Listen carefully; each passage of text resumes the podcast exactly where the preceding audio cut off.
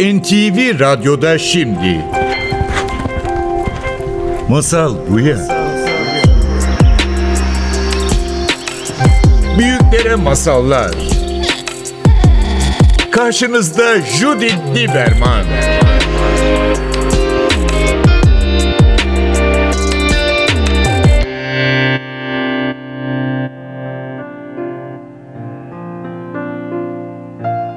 Masal Buya'ya hoş geldiniz. Bugün Berak Artdeniz ve Suat Güneş'le birlikteyiz. Hoş geldiniz. Hoş bulduk. Hoş bulduk. Berak bir e, klinik psikolog ve Suat Güneş bir yaratıcı drama lideri ve birlikte yeni bir kitap çıkarttınız. Şu an raflarda Oyunlar kitabı. Çok da tatlı bir kapağı var. Mor bir kitap. Çok büyük bir enerji görüyoruz. Ve kapakta bir tane beyin görüyoruz. Ve bu beyin bir tane böyle yün yumaya gerçekten bağlanıyor.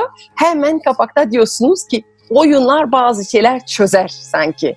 Ve giriş hikayenizde görüyoruz ki birlikte yıllardır oyun oynatırıyorsunuz. Ne güzel bir meslek aslında yani klinik psikolog veya yaratıcı dramadan daha güzel bir içerik var aslında. Oyun oynattırmak ve oyun düşündüğümüz zaman hemen çocuklar düşünüyoruz tabii ki. Ama siz diyorsunuz ki elbette çocuklar ama sadece çocuklar değil yetişkinlerle birlikte de çok fazla oyun oynuyoruz. O yüzden ilk girişimiz bu olacak. Yani bana çok soruluyor masal konusunda. Masallar yetişkinler için olur mu? Sadece çocuk işi değil mi? Ama size aynı soru soracağım. Oyun yetişkinler için olabiliyor mu? Yetişkinler oyun oynar mı? Ve oyun oynamaya ihtiyaçları var mı? Oradan başlayalım. Belki Berrak ilk e, bu soruyla başlamak ister misin? Her şeyden önce çok önemli ve çok e, özel bir soru bu. E, çünkü hakikaten böyle bir algı var. Kitap çıktığından beri e, ağırlıklı böyle ebeveynler mesaj yazıyor. Ay yaşasın çok ihtiyaç vardı. Tam da pandemi döneminde evde işte hangi oyunları oynayacağımız işte biliyorsun tükettik bütün o oyunları. Çok uzun sürdü pandemi. O yüzden ay ilaç gibi geldi. Çok teşekkür ederiz falan yazdıklarında ya da telefon açtıklarında yani buna yönelik de var, sizin ihtiyacınıza yönelik de var ama ağırlıklı tabii ki yetişkin oyunları e, diye böyle bir açıklama yapma e, ihtiyacı duyuyordum. Evet yani oyun bir kere her şeyden önce çok evrensel, çok geniş, çok yaşsız, çok cinsiyetsiz, çok çok her şey aslında. O yüzden e, sadece çocuklar için değil ağırlıklı hatta yetişkinler için bu kitap. Zaten tarih boyunca aslında baktığımızda oyun insanlık tarihi kadar eski ve kültürümüzü de oyunların oluşturduğunu söylemek mümkün. Oyun bir düş işi yani senin e, masalların gibi. E, o yüzden çok çok biricik her deneyim için, her yaş için. O yüzden elbette yetişkinler oynamalı çünkü oyun eşittir yaşam sevinci. Ay çok güzel. Oyun eşittir yaşam sevinci. Bunu alıp hemen cebime koyuyorum. Suat biraz kimlerle oyun oynuyorsunuz? Yani e, yetişkin diyoruz ama hangi yetişkin sizinle birlikte oyun oynamaya geliyor? Onu biraz açıklar mısın? Tabii ki. Hep çocuklar için düşünülen bu oyun yetişkinler için olduğunda, yetişkinler oyunun içine dahil olduğunda aslında evet yetişkin, genç, çocuk diye ayırt edilmediğini ve her insanın oynayabileceğini, keyif alabileceğini hissettikleri bir durum oluyor. Ee, mesela biz nerede oyun oynuyoruz yetişkinlerle? Şirket eğitimlerinde oyun oynuyoruz. Şirket eğitimlerinde şirketlerin bizden talep ettiği herhangi bir eğitimin içerisinde muhakkak oyunu kullanıyoruz. Çünkü oyun kişilerin, özellikle yetişkinlerin yıllar boyunca edindikleri kalıplar, düşünceler, tutumları kenara bırakıp, etiketleri kenara bırakıp kendileri olmalarını sağlıyor. Soyunuyorlar çok güzel. Ve zaten kitap kitabınızda böyle bir şey koydunuz yani belli oluyor biraz yetişkinlere yönelik bir şey yaptınız. Çünkü her oyundan sonra oyundan hisse e, yazdınız. Yani bu oyundan ne anlayacağız? Ve ben biraz öyle hissediyorum bazen ki yetişkinler ancak bir şeyin bir faydası varsa yapar yani. Yetişkinleri sebze yedirmek için içinde vitamin var. İşte kansere karşı çok yüksek etkisi var. Ee, öylesine bir yetişkine bir brokoli yedirebilirsiniz kansere karşı. Ama çocuğa niye brokoli yer? Çünkü minik bir ağaç yani orada hayal gücü çalıştığı için. Yani yetişkine bazen oyun oynatırmak için onlara bu senin için çok iyi olacak demek gerekiyor. Bak oradan bir şey öğreneceksin. Oradan genişleyeceksin, güçleneceksin demek gerekiyor. Yetişkinleri oyun oynamaya ikna etmek için ne tür fikirler kullanıyorsunuz? Zor mu onları ikna etmek? Yok. Aslında zor değil. Ee, şöyle bizim tabii başlangıcımız yani karşımızda bir grup var diyelim ki 15 kişilik 20 kişilik bir yetişkin grubu var. Zaten onlar herhangi bir eğitim almak için gelmiş oluyorlar oraya. Veya çocukların anne babalarıyla velileriyle de aynı şekilde onlar da yetişkin oraya bir hazır bulmuşlukla gelmiş oluyorlar. Acaba ne yapacağız gibi. Biz de diyoruz ki arkadaşlar hadi bir ayağa kalkalım diyoruz. Bu aslında bizim sihirli anımız. Hadi bir ayağa kalkalım. Önce bazıları ne yapacağız, nasıl, ne, neden ayağa kalkıyoruz diye kafasında dönerken sonra hadi bir yürüyelim, ne olacak falan diyor. Ve o sırada hemen diyelim ki köşe kapmaca oyunu. Hemen başlıyorum. 1, 2, 3, 4, 1, 2, 3, 4 diye sayıyorum. Sonra bir numaralar buraya, iki numaralar buraya diye geçiriyorum. Ve şimdi diyorum bir oyun oynayacağız. Orada hemen başlıyor zaten. Yüzlerinden hissediyorum. Bir kilitlenme başlıyor. Ya şimdi biz yetişkiniz. Nereden çıktı bu oyun? Bir kilitlenme başlıyor. Ama ayağa kalkmışlar artık. Yapacakları bir şey yok. Onun için ayağa kaldırma kısmı çok önemli. Ama oy- oyun oynayacağız. Hadi oyun oynayacağız ayağa kalkalım demiyoruz. Sadece hadi bir ayağa kalkalım diyoruz. E, dolayısıyla işte köşe kapmacada gruplar oluşuyor. Sonra diyoruz ki kısaca oyunu anlatıyoruz. Belki bu oyunu biliyorsunuz diyoruz. Ve hiç beklemeden hızlı bir şekilde harekete geçiyoruz. İşte değiş kelimesiyle köşedekiler yer değiştiriyor. Ortadaki grupta boş olan köşeyi kapıyor. Değiş diyoruz. Zaten o harekete geçme anı istekli olanlar, istekli olmayanlar, kafası karışık olanlar hiç fark etmiyor. Orada bir kıvılcım başlıyor. İkinci değişte, üçüncü değiş yönergesinden sonra inanın bana çocuklardan daha fazla işin içine kaptırıyorlar. Biz bunu çok gördük. Yani diyoruz ne oluyor? Tabii ilk başlarda böyle diyorduk artık alıştık. Yani çocuklardan daha istekli, daha hırslı köşe kapmaca oyunu oynuyorlar. Ve şimdi senden iki şey çok hoşuma gitti. İlk önce bu ayağa kalkalım. Her şeyden önce ayağa kalkalım. Çünkü ayaktayken zaten girmek daha kolay yani. Kalkmak böyle zaten işin yarısı. Bir de çok güzel ve yüzün parlıyordu bunu söylerken. Oyun oynayalım dedin. Aa, oyun oynayalım dediğin zaman o kadar yüksek bir enerji vardı ki öyle geliyor ki yani Suat oyun oynamaya zaten çok seviyor ve bu davet sihirli bir şey senin için değil mi? Kesinlikle sihirli bir şey.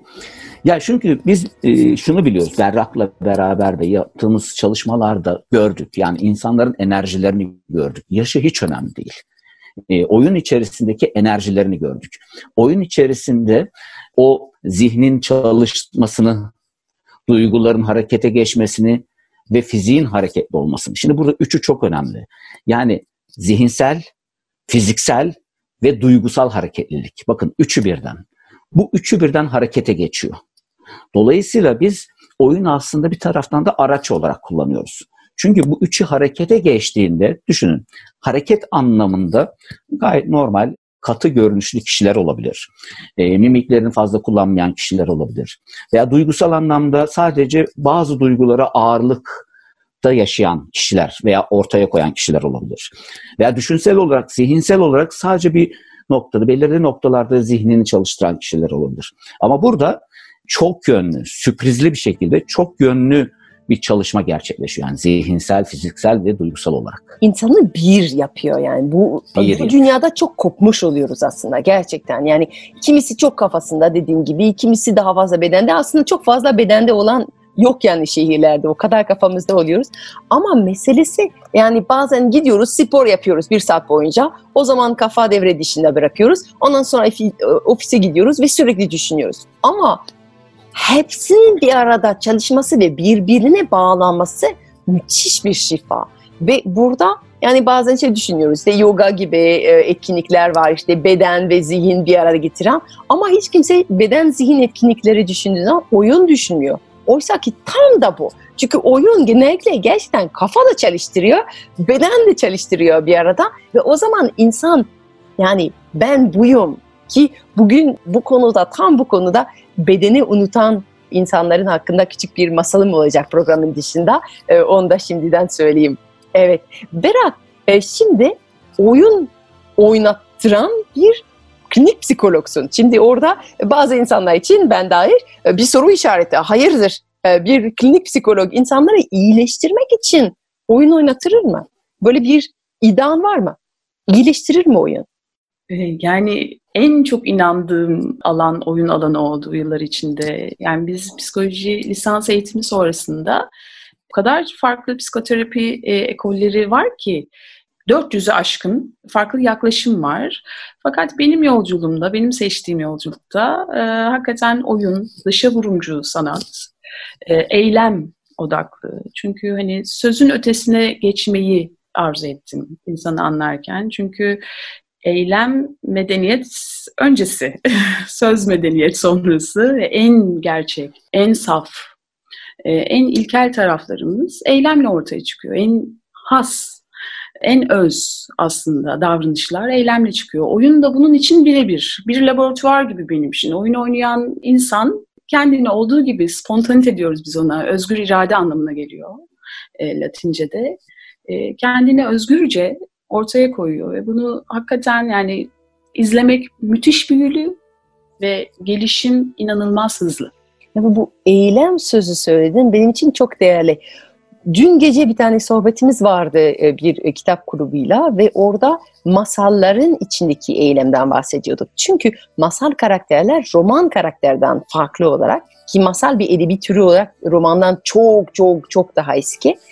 Orada masal içinde karakterlerin iç dünyası yok. Yani karakterler pencereden uzun uzun bakıp acaba bu akşam ne yiyeceğim demiyorlar. Yüzde yüz eylem içinde.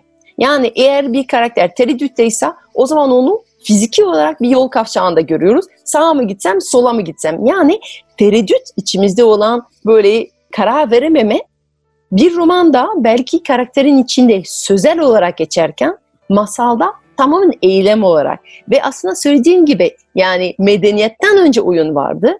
Medeniyetten önce belki de masal vardı yani vardı kesinlikle. Ne kadar medeniyetleşiyorsak o zaman o kadar sözlü oluyoruz. Söze dökülmüş ve o kadar eylemden uzaklaşıyoruz. Bizim edebiyat karakterlerimiz bile birden daha az yapar oldu ve daha fazla düşünür oldu. Bazen tabii ki düşünmek iyi bir şey olabilir ama tıkanıyoruz mu acaba? Burada düşünceyi, aklı, zihni yani bilişsel işlevleri hani yok saymak veya hani bunu zararlı bir şeymiş gibi göstermek değil ama hakikaten çok hakim olmaya başladı son dönemde. Yani sürekli zihinle meşgul olduğumuz bir düzenin içindeyiz. Bir ee, denge işidir biraz değil mi? Tamamen denge. Yani e, tabii ki zihin bize lazım, akıl bize lazım. Çok çok evet olmazsa çok evet çok tuhaf. Fakat hani hakikaten e, o özgür irade dediğimiz, kendiliğindenlik dediğimiz, hani o bütün toplumsal e, konservatif davranışlardan arındığımız halimiz, yani en oyun oynarken en bıraktığımız, en spontan halimiz bir uçtaysa, diğer uçta da anksiyete var, kaygı hmm. var. Dolayısıyla e, tamam hep spontan olamayız. Bu arada spontanlıkla dürtüsellik de aynı şey değil yani. Hani aklıma geldiği gibi yaşamak spontanlık değil. İçimden geldiği gibi yaşamak, e, sürekli dürtülerim ve ihtiyaçlarım doğrultusunda yaşamak. Tam bahsetmiyoruz. E, ama hakikaten kendim gibi, ihtiyacım gibi, ihtiyacıma uygun davranmak aslında spontanlık. O yüzden hani bu çizgiyi bir orada bir diğer tarafta kaygı da lazım insana ama ağırlıklı dengede tutmak aslında sağlıklı insan tanımı zaten.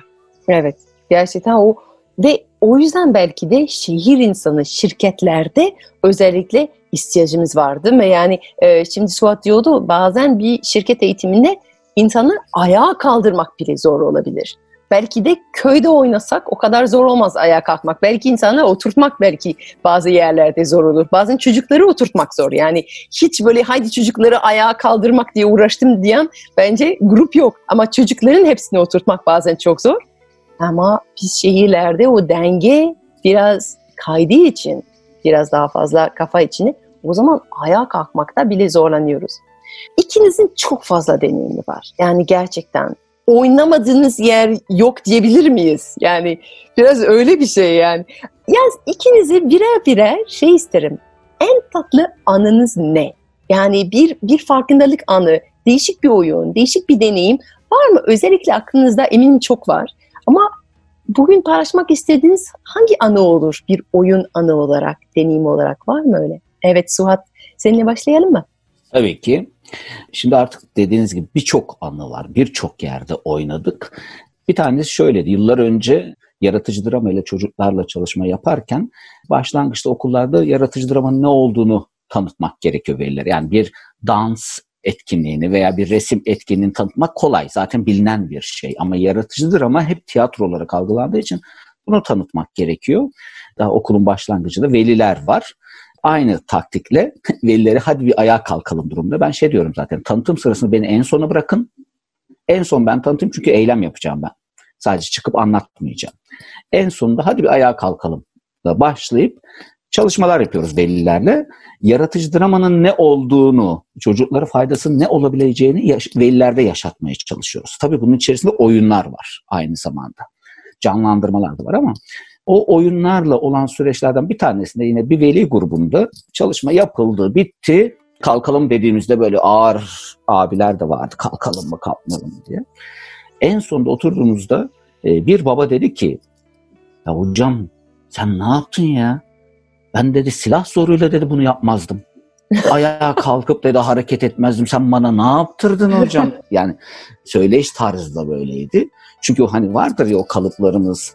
Onun bir anda ortadan kalktığını o babanın e, bedensel olarak, mimik olarak, oyun içerisindeki nasıl değişkenliği yaşadığını, aslında kendi duygularını tekrar tanımaya başladığını, kendi vücudunu tekrar tanımaya başladığı anı gördü ve çok şaşırdı. Yani bu e, böyle bunun gibi çok rastlıyoruz. Ya ben bunu yapmazdım, nasıl yaptım? Bir anda nasıl oldu? Bir kere katılmayan yetişkin yok. Şimdi çok enteresan, değil mi? Yani ben yapmayacağım, etmeyeceğim diğerin olabilir. Ee, ben yaklaşık bilmiyorum saymadım ama 4-5 bin yetişkinle çalışmışımdır. 4-5 bin yani 20'şer kişilik, 30'ar kişilik gruplarla. Ben ayağa kalkmayan, oyuna devam etmeyen yetişkin daha yaşamadım, görmedim. Oh.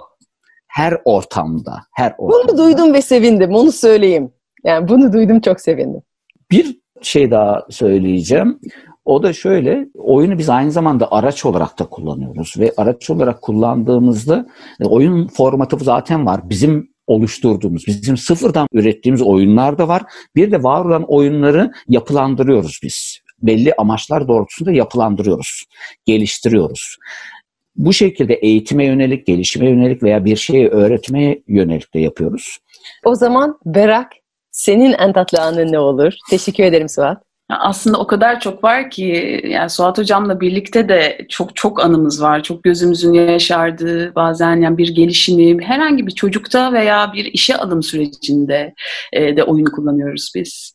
Oradaki adayların benim aslında galiba hayalim bu değilmiş. Şöyle bir şirkette şöyle bir pozisyon benim için daha anlamlı diye deyip kendi farkındalığını yarattığı anlar mesela geliyor aklıma.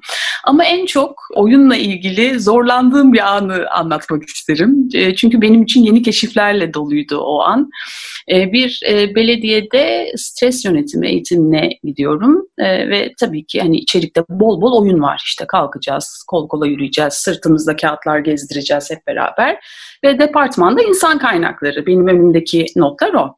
Yaklaşık 200-250 kişilik bir liste var önümde. Salona girdim, belediyenin salonuna. Bütün salonda zabıtalar var, zabıta memurları var. Herhalde işte eğitim koordinatörüne telefon açtım. Dedim zannediyorum ben yanlış salona geldim, yanlışlık var. İşte hayır hocam, eğitimimiz zabıtalarla. Tamam dedim, böyle 5 dakika sürem var. Ve düşünün ki tabii ki zabıta memurlarına oyun oynatmak, ayağa kaldırmak çok daha güç. Onların öğrendikleri yaşam koşulları, meslekleri gereği içlerinde bulundukları e, duygular, tutumlar. Ve biz onlarla bir oyun oynadık ki. Gerçekten yani hiç hayatım boyunca unutamayacağım. Yani el ele, kol kola koşturan, işte bir balonu sırt sırta taşıyan bir böyle 200 kişilik zabıtaları düşünün.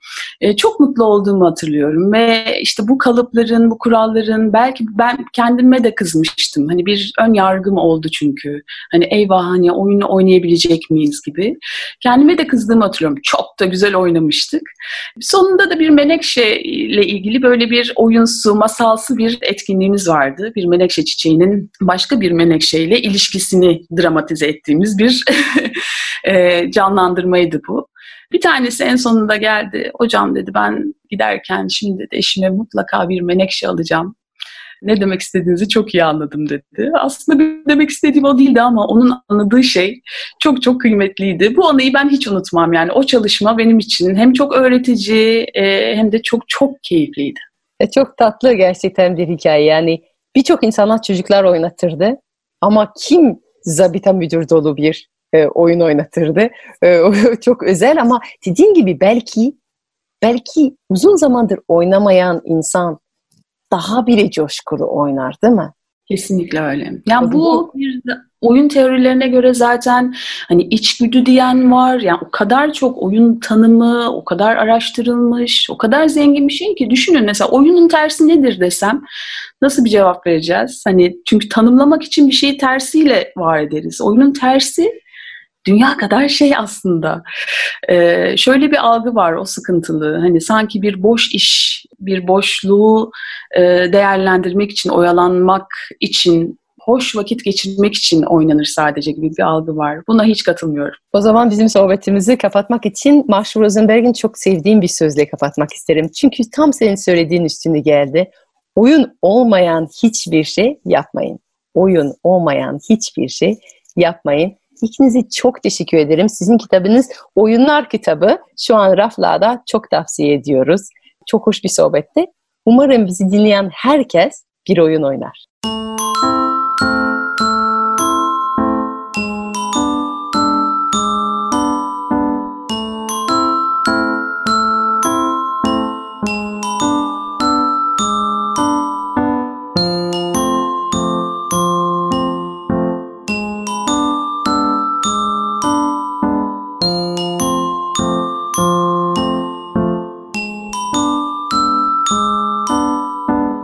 Ahmet köyünden ayrılıp ilk defa şehire gelmişti.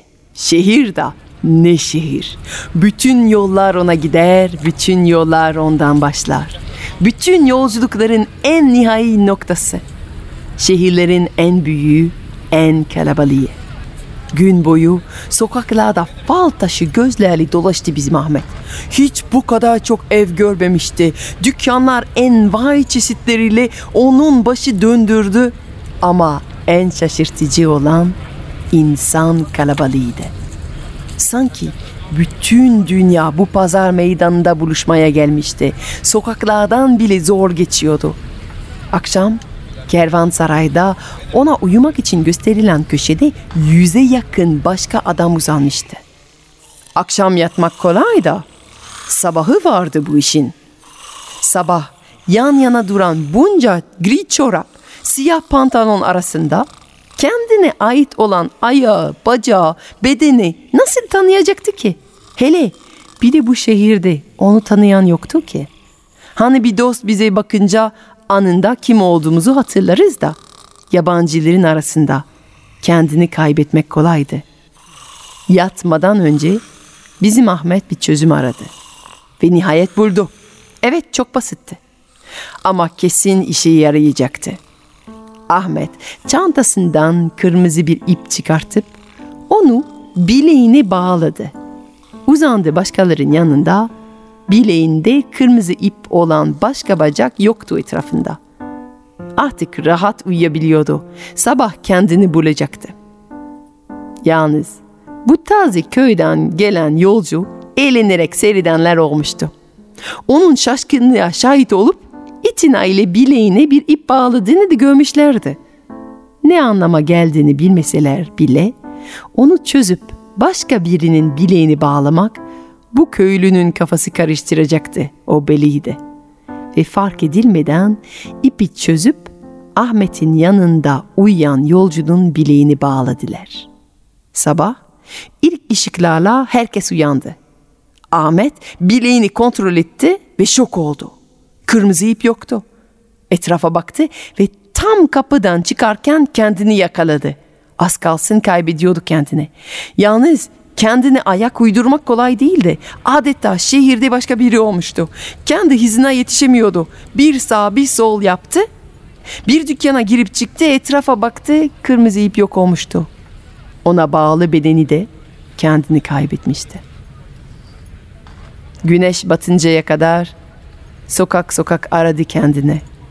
Ama iz bırakmadan yok olmuştu. Daha fazla bu şehirde kalmanın bir anlamı yoktu. Burada bir şey bulmak imkansız görünüyordu. Buraya kaybolmaya gelirdi insan.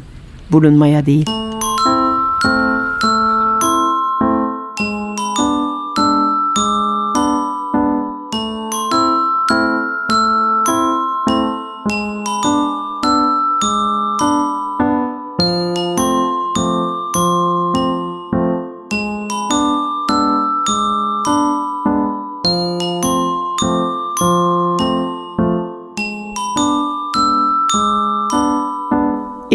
Hissederek köyüne döndü.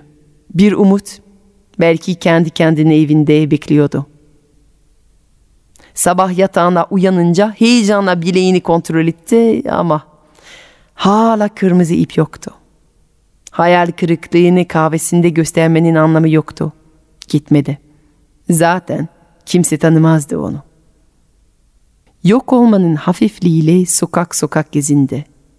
Karşısında baston üstünde iki büklüm eğilmiş yaşlı köy ebesi çıktı.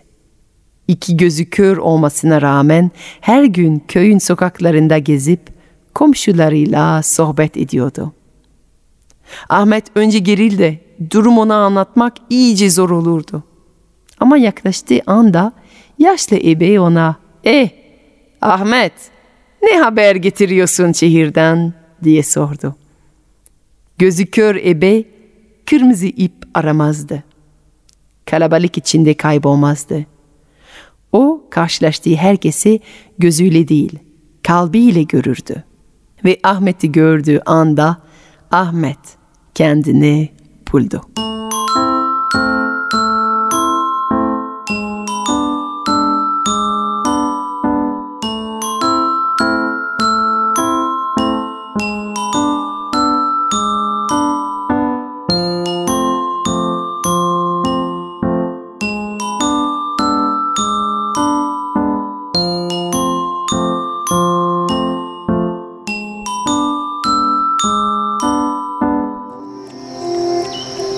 Judith Lieberman'la Masal Buya'nın bugünkü bölümü sona erdi.